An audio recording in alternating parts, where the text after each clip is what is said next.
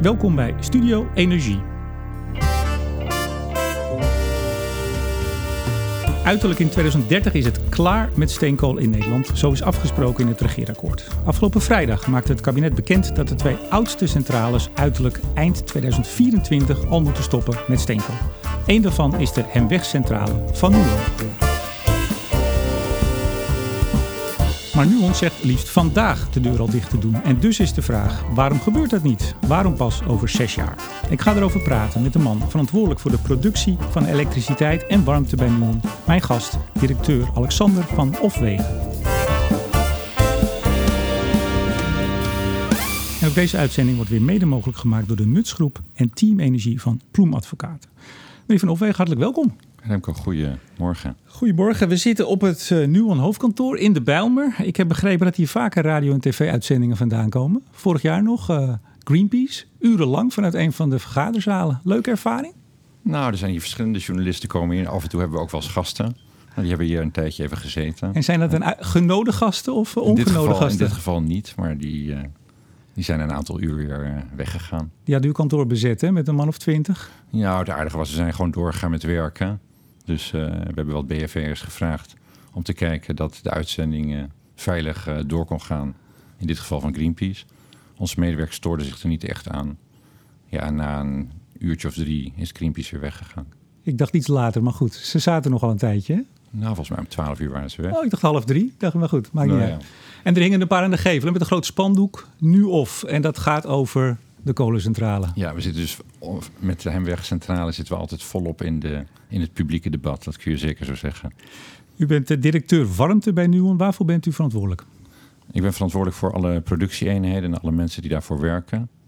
Dus dat is alle, alle elektriciteitscentrales, maar ook alle warmtenetten. Alle klanten die we beleveren met warmte. En de opwek die daarbij hoort. Veel van de opwek die we gebruiken voor warmte zijn externe partijen dus daar hebben we lange termijn contracten mee. In een eerste reactie op het besluit van het kabinet afgelopen vrijdag, ik zei het al in de intro, hè, u zou uh, eind 2024 uh, dicht moeten. Uh, zei u nou, het bedrijf, wij, de medewerkers zijn blij dat de overheid met dit wetsvoorstel, want dat is het, nu eindelijk duidelijkheid geeft. Toen dacht ik, u had die duidelijkheid zelf toch ook kunnen geven als nu, want u had gewoon ook een, een stip op de horizon kunnen zetten. Nou, ik denk dat we heel duidelijk continu een stip op de horizon hebben gezet. Ik denk dat we heel constructief in deze discussie altijd gezeten hebben. Uh, we hebben aangegeven aan de overheid dat we openstaan voor vroeg sluiten. We hebben zelfs de overheid een aanbod gedaan om 2020 vroeg te sluiten. Dat was destijds tegen een compensatie van 55 miljoen. Nou, die duidelijkheid is er in die afgelopen twee jaar niet gekomen. Ik heb heel veel uh, kantinebijeenkomsten gehad met onze mensen. Continu het proces uitgelegd en toegelicht. En ik denk afgelopen vrijdag, uh, na de toelichting van de minister, dat deze wet eraan zou komen. En ik moet zeggen, ik vond het ontzettend fijn dat de minister ons de gelegenheid heeft gegeven om dat donderdag aan ons toe te lichten. Zodat ik vrijdagochtend onze mensen kon informeren.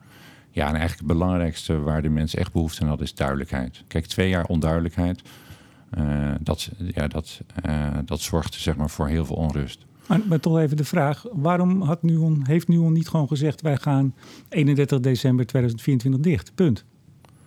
31 december 2024. Of 23 of 20, nou, wat u wil. Maar in ieder geval duidelijkheid zelf geboden. Nou, ik denk uh, twee dingen. Aan de ene kant, vanuit Vattenval is er in ons uh, perspectief van binnen één generatie fossielvrij te zijn. Is er vanuit de uh, Zweedse overheid echt de mogelijkheid gegeven om te vroeg te sluiten. Af te zien van toekomstige inkomsten. Maar de Zweedse overheid en Vattenfall daarin heeft ook gezegd... ja, we willen wel dat de Nederlandse overheid daar een bijdrage aan, aan geeft, aan doet. Dus dat is ook de reden waarom we gevraagd hebben... om uh, de boventalligheidskosten voor onze mensen en ontmantelingskosten... zo'n beetje zo'n 55 miljoen, dat die dan gedragen worden door de overheid. Dus dat is het voorstel wat we jarenlang op tafel hebben gehad. En wat je eigenlijk ziet is dat uh, in die gesprekken met de overheid de afgelopen periode... dat vooral hele verkennende gesprekken zijn geweest eigenlijk geen onderhandeling. En afgelopen donderdag heeft de minister heel duidelijk gemaakt aan ons uh, dat hij geen juridisch kader heeft om in te gaan op ons voorstel. Daarmee is voor ons ook het voorstel wat we gedaan hebben niet meer opportun. Het feit dat hij uh, het verbiedt om kolen te stoken in 21 december 2024, ja, dat is iets wat wij uh, uh, respecteren. En voor ons is dat ook fijn, omdat we op dit moment ook duidelijkheid kunnen geven aan onze medewerkers. Dat heb ik ook afgelopen vrijdag gedaan. En ik denk dat je ook moet realiseren dat uh, veel van onze medewerkers, zo'n 70% zit boven de 45 jaar qua leeftijd. Vaak dienstverband meer dan 20 jaar. En door uh, zeg maar vervroegde sluiting eind 2024 zal een heel groot gedeelte van deze collega's gewoon met pensioen gaan op een, uh, op een normale manier ja. en niet via een boventalligheid. Um, en dat betekent dat wij zeg maar in 2024 nog steeds zo'n 200 arbeidsplaatsen zullen hebben voor de hemweg, maar totaal anders ingevuld. En ook met meer jonge mensen, ja. die we dan ook zullen opleiden voor andere sectoren zoals wind en, en warmte.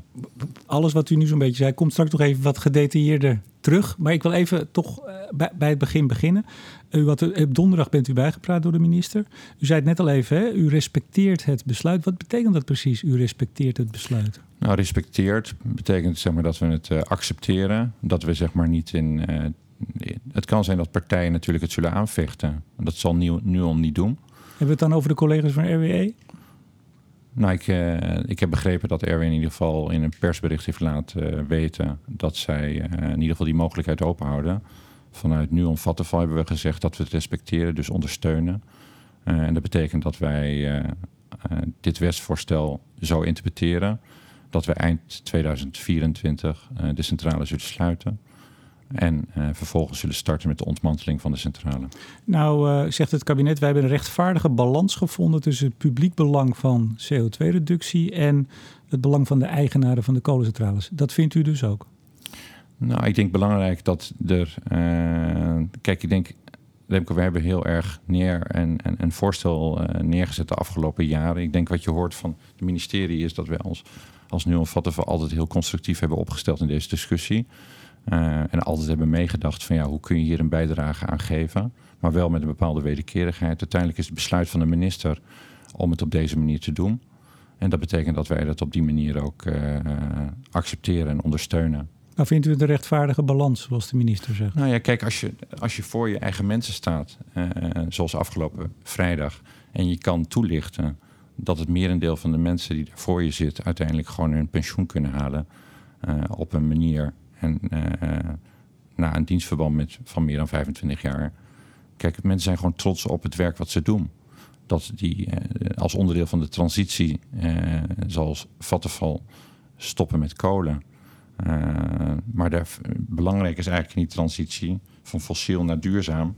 En als Vattenfall doen we eigenlijk dat altijd gecombineerd. We hebben niet een aparte tak die alleen maar zich richt op duurzaam. We hebben ook niet een tak die zich alleen maar richt op fossiel. We combineren dat. En dat betekent dat voor ons het continu de balans is te zoeken. Hoe ga je zeg maar, van het een naar het andere? We investeren heel veel in duurzame energie. En ik denk de, eh, de sluiting, de vervroegde sluiting van Hemweg 8 is gewoon een hele duidelijke discussie waar je eigenlijk midden in die twee werelden staat. En ik denk dat het een goede balans is voor uh, de mensen, een goede balans is uh, vanuit het uh, ministerie. En ik denk, kijk, wat je natuurlijk ook niet nee, moet Maar is het ook een goede balans voor u als bedrijf, als Nuon? Want dat is even de vraag. Ja, dat is absoluut. absoluut. Kijk, ik denk, wat je, wat je natuurlijk niet moet vergeten is dat een Hemweg 8 centrale, en die zit gewoon in de top 25 van de Europese, West-Europese centrales. Dan laat ik landen als Polen buiten beschouwing. Dus het is een centrale die voldoet aan alle milieueisen. Doet u dan in omvang of in uitstoot? Nee, puur of in... in uitstoot en zeg maar rendement. Ja. Dus dat betekent ook dat hij in de Europese uh, elektriciteits, uh, in de elektriciteitswereld, dat hij goed mee kan. Je ziet ook dat hij daarom ook elke dag draait. Dus ik denk dat uh, Nederlandse, de Nederlandse ambities moet je ook altijd zien in een Europees kader. Maar, als, als je kijkt in het Europese kader, is het dan, want u zei dat inderdaad, u hebt het vaker gezegd, hè, het is ook een van de schoonste. Ja. Is het dan niet veel slimmer als we het vanuit het Europese perspectief bekijken om eerst wat oudjes in Polen dicht te doen en elders? Ja, dat zou op zich uh, goed zijn. Alleen kijk, als vattenval zijn we natuurlijk in verschillende landen, als Zweden en in Engeland zijn we 100% duurzaam. We hebben in Duitsland nog uh, kolencentrales, in, nog één in Nederland. En we hebben vanuit onze visie als Vattenval een hele duidelijke strategie om binnen één generatie fossielvrij te zijn. Ja, maar dat, dat is helder. Maar RWE zegt dus, uh, en zeker in combinatie met die minimum CO2-prijs die in de elektriciteitsmarkt wordt ingevoerd in Nederland in 2020, die zeggen ja, dit gaat gewoon eigenlijk nou, marginaal of misschien wel niks doen. We gaan gewoon heel veel stroom importeren. Dus het heeft eigenlijk helemaal geen zin om die moderne, schone kolencentrales in Nederland dicht te doen als je niet iets over de grens doet. Hebben zij een punt? Nou, volgens mij, het, vind je het goed als ik daar zo op terugkom? Zeg maar, Zeker. dat is die minimum CO2-prijs. Kijk, ik denk dat je, ik denk dat het belangrijkste is dat je zelf iets doet. Hè, en het totale kader van Europa bekijkt. Maar het totale kader van Europa continu gebruiken als argument dat je zelf niks hoeft te doen. Dat zou vanuit ons niet passen in de visie die we hebben om binnen één eh, generatie fossielvrij te zijn. Dus dat is ook een beetje de wederkerigheid die ik benoem. We hebben als uh, Vattenfall afgezien van die toekomstige inkomsten van die Hemberg 8-centrale. Maar de wederkerigheid is dat er vanuit de overheid ook een bijdrage komt. En uiteindelijk heeft de minister dat op deze manier gedaan. Want, dat... want een bijdrage is, u mag nog een aantal jaar door. En in die tijd, dat is ook het uh, idee van het kabinet, kunt u nog voldoende geld verdienen om het voor u uh, nou ja, aantrekkelijk of in ieder geval redelijk te maken en de pijn te verzachten. Nee, en ik denk belangrijk, we hebben natuurlijk het voorstel gedaan waar we 55 miljoen vroegen voor een vroegte sluiting. Op basis van de kosten die daarvoor hebben. Als we dat in eind 2024 uh, gaan doen, zullen we die kosten zelf dragen, maar ook de begeleiding van mensen uh, richting ander werk en de begeleiding van nieuwe mensen die komen. Ja. ja. Oh, even over dat geld. Hè. U kwam daar vorig jaar mee, geloof ik. Hè? Uh, zo, zo, net zo na de, april. Zo net na de verkiezingen. Ja. ja. Uh, had u dat al ingebracht trouwens bij partijen in de aanloop naar de verkiezingen? Dat dit uw voorstel was, die 55 miljoen? Nou, wat we altijd gezegd hebben is dat wij uh, um, een vervroegde sluiting voor ons zagen. Waarbij in ieder geval zeg maar, de kosten voor de medewerkers en de ontmanteling dat dat gecompenseerd zou moeten worden. En het enige, enige wat we gedaan hebben in april is dat gewoon heel concreet gemaakt wat dat nou eigenlijk betekent en ja. onderbouwd. Maar u zei daar toen ook bij van nou, als we open zouden blijven tot het eind van de technische levensduur, 2034, dan zit er nog een verdiencapaciteit in de centraal van zo'n 250 miljoen. Eerst even, wat is, een, wat is verdiencapaciteit precies? Dat is eigenlijk niks anders dan de, uh, de kaststromen. Dus laten we, laten we het heel simpel maken. Alle inkomsten die je krijgt van de groothandelsmarkt, dus de elektriciteitsinkomsten, minder kosten die je nodig hebt voor het bedrijf van die centrale, inclusief de periodieke investeringen. En dus, is dat dan winst in uh, lekentaal of is dat weer iets anders? Nou, dat is zeg maar die uh, netto contante waarde. Dus dat, uh, dat is eigenlijk de basis voor, voor de toekomstwaarde van een dergelijke centrale. Het, soms is het ook wel eens verward met een verkoopwaarde. Dat is voor ons de waarde hoe die we, uh, voor ons de, de waarde die we kunnen genereren met die centrale op die plek in de markt zoals die om ons heen bestaat. Maar, maar, is dat niet buitengewoon lastig in te schatten? Want dan moet je iets zeggen over de elektriciteitsprijs uh, tot 2034. Dat kan toch helemaal niet? Nou ja, sterker nog, wij, wij kiezen er zelf voor als Vattenfall om een heel groot windpark op zee uh, te bouwen zonder subsidie. Ook allemaal op basis van die verwachtingen van die elektriciteitsprijs. U kijkt er nog heel vrolijk bij, maar misschien gaat u dat wel heel erg opbreken. nou, ik denk dat, het, uh, dat wij zijn hartstikke trots dat wij dat nieuwe windpark gaan bouwen. En dat het zeg maar heel spannend is. Dat is absoluut. Ik dacht, uh, dat, ik dacht dat een van uw directieleden, althans van de Vattenfall-directieleden, uh, vlak voor de aanbesteding zei, of voordat we bekend, u bekend maakt dat u meedeed dat het een grote gok werd. Maar goed. Nou ja, eigenlijk wat je eigenlijk impliciet ook zegt met je eigen bewoording is van. Uh, heb je een goed beeld als bedrijf allemaal hoe die elektriciteitsprijs zich gaat bewegen de komende jaren? En durf je een gokje te nemen? Nou ja, goed, kijk, als bedrijf Vattenfall investeren we gewoon heel veel in, uh, in duurzame elektriciteit. Ik geloof de komende twee jaar zo'n uh, anderhalf miljard. Ja, dus dat, uh, dit is onze, ons expertiseveld waar we ons op richten. Dit is onze business. Nou, we gaan het zien of het kost komt. Maar ter terug naar Hemweg 8, ja. zoals die inderdaad heet. Um, u, zei toen, nou ja, die 250 miljoen, dat laten we dan maar zitten. Eigenlijk, hè? als wij met die 55 miljoen, u noemde hem al een paar keer, als we daar uh, eruit komen, dan, gooi, dan gooit u toch uh, gewoon een aantal miljoenen de gracht in. Of zie ik het nou verkeerd? Ja, dat klopt. Maar dat is, een, dat is nogmaals zeg maar, het managen van de transitie van fossiel naar duurzaam. Dus dat betekent dat je uiteindelijk een visie hebt om binnen één generatie fossielvrij te hebben. En dat kun je niet je kunt dan niet zeggen van nou tot de laatste euro die eruit komt, dan blijf ik een bedrijven. Uh, nee, wij hebben duidelijk gezegd dat je uh, kolen uit gaat faseren in het energiesysteem. En dat betekent dat je dus proactief, constructief daarin staat om te kijken met verschillende partijen hoe je dat kunt doen. En voor deze discussie is dat primair de Rijksoverheid. Ja. Maar nou vroeg u 15 miljoen voor ontmantelingskosten en 40 miljoen voor personeel, zeg ik. Klopt, ja. Dat betekent dus dat, dat de centrale een waarde nul heeft. U vroeg geen geld voor het, nou ja, inderdaad afzien van winst of de waarde van de centrale. Die is dan nul. Staat die ook voor nul in de boeken bij u? Ja, ongeveer. Letterlijk. Ja, omdat we zeg maar afzien van die toekomstige uh, winsten. Maar u zegt ongeveer? Uh, ja, ik, ik, de precieze boekwaarde. Kijk, het is een, bij ons zijn de boekwaarde is een, is een combinatie van alle centrales samen. Oké. Dus wij, uh, dus ik kan je niet zo specifiek zeg maar aangeven van wat is de waarde van die centrale. Klein bedragje, begrijp ik. Ja. Um, maar die 40 miljoen voor het personeel, daar kwam meteen kritiek op. Er was sowieso kritiek dat u überhaupt nog durfde geld te vragen. Dat was wel een, eh, een aardige. Dat is onderdeel van het publieke debat dan. Zo heet dat, hè? um, maar die 40 miljoen, daar, maar daar was wel uh, wat, wat, gefundeerde kritiek op. Uh, en die was ex-nutsbedrijf, 2009 geprivatiseerd, Nuon.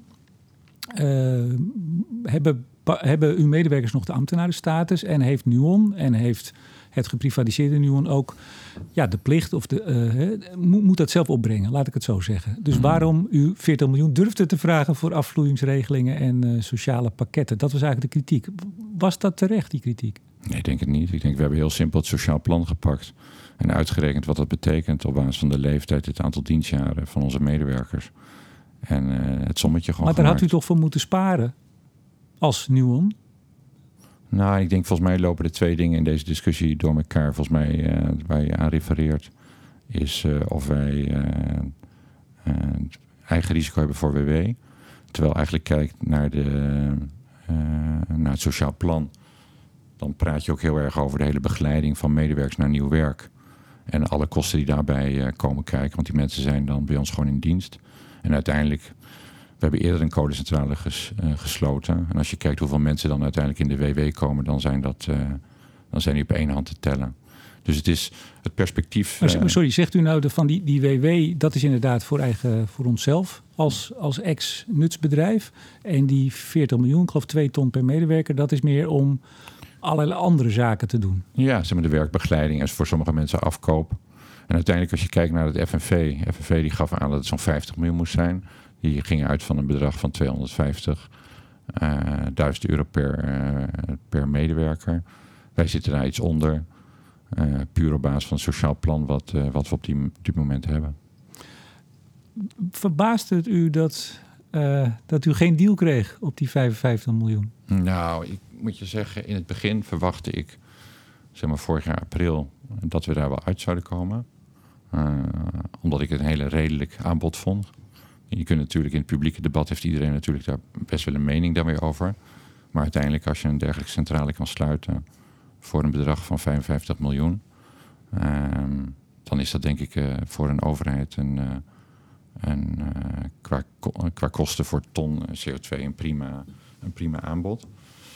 Wat ik wel merkte is dat het uiteindelijk van het ministerie toch het juridische kader om een dergelijke afspraak te maken ja, dat, die, uh, dat me steeds duidelijker werd dat die mogelijkheid er eigenlijk niet was.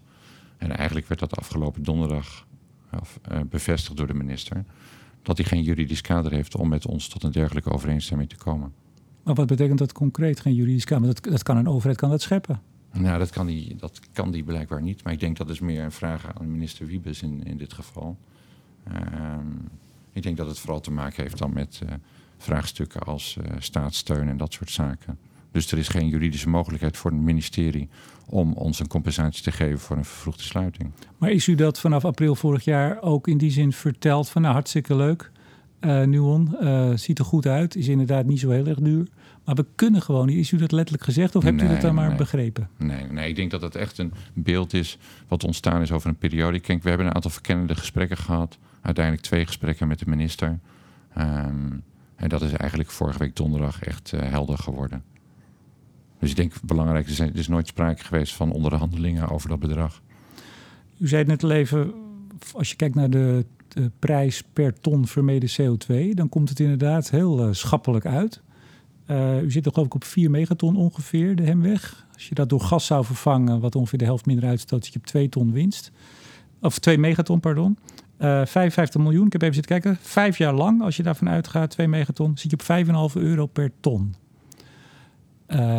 Zon-PV op woning is 110 euro en CCS kolen, zegt het PBL, is 35 euro Mhm. per ton. Dat is dus inderdaad een heel laag bedrag. Ja, nou ja, goed, je, kunt het sommetje, je hebt het sommetje met vijf jaar gemaakt. Hè? Ja, je kunt Ik hem ook met acht of met tien. Ik, of... ik, ik heb dan maak ik hem dan even vier jaar, eind 2020 of eind 2024. Dan kom ik op zeven, maar orde groot hetzelfde. Ja, ik denk dat eh, de werkelijkheid, eh, Remco, is dat het, eh, het voorstel niet, niet gehonoreerd is. En dus voor ons ook niet meer opportun is. Nou, was er in het vorige kabinet was er oneenigheid tussen PvdA en VVD over sluitingen, heb ik altijd begrepen. Klopte dat? Ehm, nou, voor ons is het. Kijk, ik, want ik ga dan even weer terug in de tijd. En je moet je voorstellen dat elke keer als een dergelijk iets gebeurde, dan stond ik de dag daarna weer in de kantine om met de collega's het eh, door te nemen. Eh, volgens mij hadden wij bij de NEF eind 2000, ik denk eind 2017 17? verwacht, toen minister Kamp nog eh, de minister was, dat er wat duidelijkheid zal komen. Omdat er destijds ook gezegd wordt als, er een, als de, de, de nef dan gehaald zou moeten worden, dan zou dat moeten gedaan worden door de kolencentrale die geen biomassa bijstookt uit de jaren 90. Nou, dat, Dat was u. dat, dat zijn wij. Ehm, maar uiteindelijk kwam dat besluit eh, niet, dus dat was in november. Eh, en dat was eigenlijk het moment dat, eh, dat voor ons wel duidelijk eh, werd van... nou goed, dit kabinetsperiode gaat hier niks meer eh, gebeuren.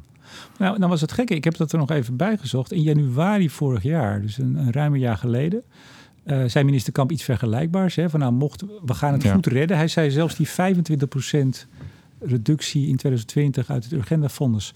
Hij zei dat gaan we makkelijk halen. Ik denk dat de vraag niet zal zijn of we het halen, maar met hoeveel we er overheen gaan. Ehm, nou, dat was wel een buitengewoon optimistische kijk. Eh, twee weken geleden werd bekend dat we op 13% staan in 2017. Dus we moeten bijna verdubbelen in drie jaar. Ehm, hoe, hoe denkt, eh, gaat u toch even met me mee in het hoofd van minister Wiebes? Ehm, we staan op 13 procent. We hebben nog drie jaar om naar de 25 te gaan. U gaat dus niet voor 2020 dicht. Eh, de kolencentrales zijn de belangrijkste knop om aan te draaien. Hoe, hoe denkt het kabinet, denkt u, aan die doelstelling te gaan voldoen? Van 2020 Van of van 2020? 2030? Ja, nee, 2020. Ik denk dat eh, de overheid zich vooral richt dat er eh, plannen zijn en duidelijke ehm, verwachte proofpoints zijn. Dus echt momenten in tijd die je kan aantonen dat je CO2-reductie realiseert. Eh, in de tijd. Ik denk dat die datum 2020 wat minder lijkt wat minder belangrijk geworden te zijn voor het, eh, voor het kabinet. Maar goed, ik, nogmaals, ik kan niet voor de minister eh, praten. Maar denkt, denkt u dat we die 25% reductie in drie jaar tijd gaan halen? Nou ja, wat ik. Ik denk zeg maar dat dat, eh, dat, dat eh, moeilijk zal zijn op basis van de. ook zeg maar de calculaties die je zelf hebt gedaan. Ehm, maar ik denk dat het vooral de focus is op dit moment richting 2030. Hoe we richting die 49% eh, gaan. En ik denk dat dat uiteindelijk, in hoeverre we in staat zijn om daar duidelijke afspraken te maken hoe we dat gaan realiseren. Dat we ook een duidelijk pad hebben hoe we in Nederland die transitie naar die lagere CO2-uitstoot met elkaar gaan realiseren. Dus ik denk dat het meer een, een, eh, een perspectief is van eh, een verschil van 2020 versus hoe faseer je naar 2030. Een van de dingen is de opschaling van wind op zee, wat natuurlijk heel duidelijk een onderdeel is van eh, de, de klimaatakkoordtafels naar het succes. Wat we hebben natuurlijk gehad met subsidieloos eh, wind op zee. Dus je ziet dat daar ook allerlei dynamieken zijn. Hoe kunnen we het op een andere manier gaan doen? En de kolenuitfasering voor 2030 was natuurlijk onderdeel van het regeerakkoord. Dat wordt natuurlijk met deze eh, wet op die manier ingevuld. Maar het hele idee wat het vorige kabinet nog had van nou, we gaan het prima halen. Mocht het nou niet lukken, kunnen we altijd de hemweg nog dicht doen. Eh, dat heeft dit kabinet dus duidelijk verlaten nu dit wetsvoorstel er ligt. Ja, en ik denk ook nu on van ook. We hebben aangegeven dat we het besluit van de ministerraad eh, honoreren. En wij zullen ons, eh, onze centrale eind 2024 sluiten. Ja, u, u, staat nu niet meer open voor een vroeger moment. Nee, nee. Nee, ik denk. ehm, kijk, de duidelijkheid en onduidelijkheid van de afgelopen eh, periode. Dat, dat trekt gewoon een enorme wissel op onze mensen. En die duidelijkheid heb ik afgelopen vrijdagochtend kunnen geven. En eh, ja, hoe reageren dan de mensen? Nou goed, natuurlijk. eh, voor hun dat het werk ophoudt uit 2024. En dat is denk ik iets wat in de afgelopen periode wel helder is geworden dat er geen toekomst is in kolen binnen Nuon. Maar dat het perspectief nou wel is, dit is een periode waarin een groot aantal mensen gewoon met pensioen kan gaan. We zeg maar de centrale op een goede manier kunnen uitfaseren. Uh, nieuwe medewerkers kunnen opleiden, die dan vervolgens naar wind en, en warmte gaan. Dus ja, je ziet wel een berusting in de vorm van die maar enorme schreeuw aan duidelijkheid uh, die er de afgelopen twee jaar was, die ik nu gegeven kan hebben. En daarmee is voor ons als nu val is ook uh, het klaar. Dus als minister Wiebes volgend jaar, als het helemaal niet dreigt te gaan lukken... en we, er ligt een rechtelijk vonnis en als dat overeind blijft in hoger beroep... hij doet een beroep op u, hij zegt... Nuon, jongens, help mij. Ik heb twee megaton nodig. Ik heb hier een zak geld. Ik heb het met Brussel geregeld, geen staatssteun. Dan zegt u, dat is dan toch jammer. Ja, dan is dat jammer. Dan is dat een uh, gemiste kans van een aantal jaar daarvoor. We zullen het geld wel gebruiken, maar dan gaan we er een windpark op zee uh, voor bouwen. Zie, zie ik toch een beetje geprikkelde Nuon-directeur nu, of niet? Nee, nee, nee. Maar ik, nee, nee, tegendeel. Ik ben helemaal niet geprikkeld. Maar ik voel me wel verbonden met uh, hem weg. Ik ben natuurlijk vanaf 2007 ook planmanager geweest. Toch een uh, vier, vijftal jaar. Dus ja, ik sta uh, dicht bij de mensen die daar werken. En ik denk dat je, kijk... Je, Klaar met het gezol, nu is duidelijkheid nou ja, en daar houdt het bij. Je, je, je, weet hoe een yo-yo heen en weer gaat. Nou, ik denk dat het heel fijn was te zien bij alle mensen, die duidelijkheid. En die duidelijkheid, daar, uh, daar ga ik niet aan tornen. Eind van kolen, u zei het net al, daar zit geen toekomst meer in. U hebt geen biomassa-bijstook subsidie weten te bemachtigen. Dat hebben de collega's van RWE wel. Hè? Die, die willen zelfs naar de 100% toe. Dan is het geen kolencentrale meer. Ziet u nog mogelijkheden op de Hemweg na 2024 voor biomassa, misschien een andere brandstof? Nou ja, biomassa-bijstook, dat is niet iets waar we in geloven. Maar biomassa als inzet voor bijvoorbeeld stadswarmte en bioketels. Maar u had toch wel uh, subsidie aangevraagd daarvoor? Ja, maar we hebben het niet toegekend gekregen. Nee, maar u zegt ik geloof er niet in. Nou, ik denk... U gelooft er niet meer in nu u geen subsidie hebt? Nou, volgens mij, wanneer hebben we die subsidie uh, niet toegekend gekregen? Ik denk een jaar of twee geleden. En sindsdien voortschrijdend inzicht. Nou, ik denk dat de transitie is continu voortschrijdend inzicht. Ja, goed. Maar ziet u nog andere mogelijkheden voor de centrale? Of wat gebeurt er op 31 december? Wordt die uit elkaar gehaald? Wordt die verkocht? Wat, uh, nou, ik, denk dat, ik denk belangrijk allereerst, zeg maar, op de Hemweg staat ook een andere centrale. Dat is de gascentrale, Hemweg 9. Uh, overigens op uh, hoogkalorisch gas vanuit de Noordzee, niet vanuit Groningen. Um, wat we zullen doen, is dat we zullen uh, starten met de ontmanteling van de centrale. De centrale zal niet verkocht worden, maar gewoon ontmanteld worden.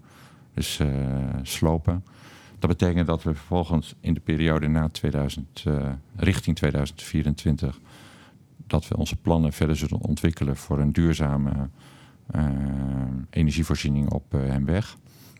Ja, dat zal allereerst op het gebied van zon lopen er nu een aantal zaken. Maar je moet ook denken aan... Kijk, we hebben een hele grote aansluiting op het elektriciteitsnet. En we zitten dicht bij de haven. Dus met duurzame elektriciteit allerlei biobrandstoffen maken voor de, voor de haven, voor de scheepvaart. Dat is een, visie die we daar hebben. Uh, we zitten dicht bij het stadswarmtenet. Dus ook uh, biomassa, licht geothermie op die locatie.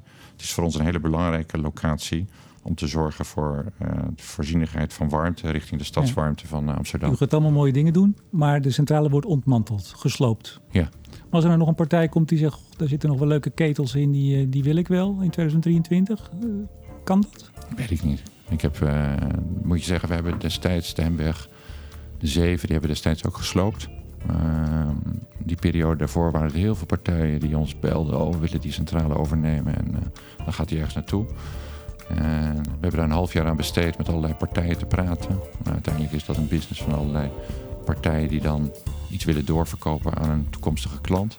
En uiteindelijk hebben we na een half jaar gezegd, nou dit... Uh, dit uh, veel, veel, gedoe, weinig... Ja, en uiteindelijk ook voor toch een redelijk uh, waardevolle component als een generator... was uiteindelijk niet een, niet een koper te vinden. Dus dat hebben we allemaal verschrot. Ik was bij de sluiting van de kolencentrale op de Maasvlakte. S'nachts om letterlijk 12 uur. Kan ik met u de afspraak maken? 31 december 2024. Ceremonieel momentje. Het uh, downgaan van Hemweg 8. Ja, zeker Remco. En ik hoop dat je me dan je noemt. dat ga ik dan doen. Alexander van Opwegen, directeur warmte van Nuon. Hartelijk dank voor dit gesprek. Wederzijds. Ik bedank de Nutsgroep en Team Energie van Ploemadvocaten voor het mede mogelijk maken van deze uitzending. En uiteraard bedank ik jou, beste luisteraar, voor het luisteren. Mijn naam is Remco de Boer. Graag tot volgende week.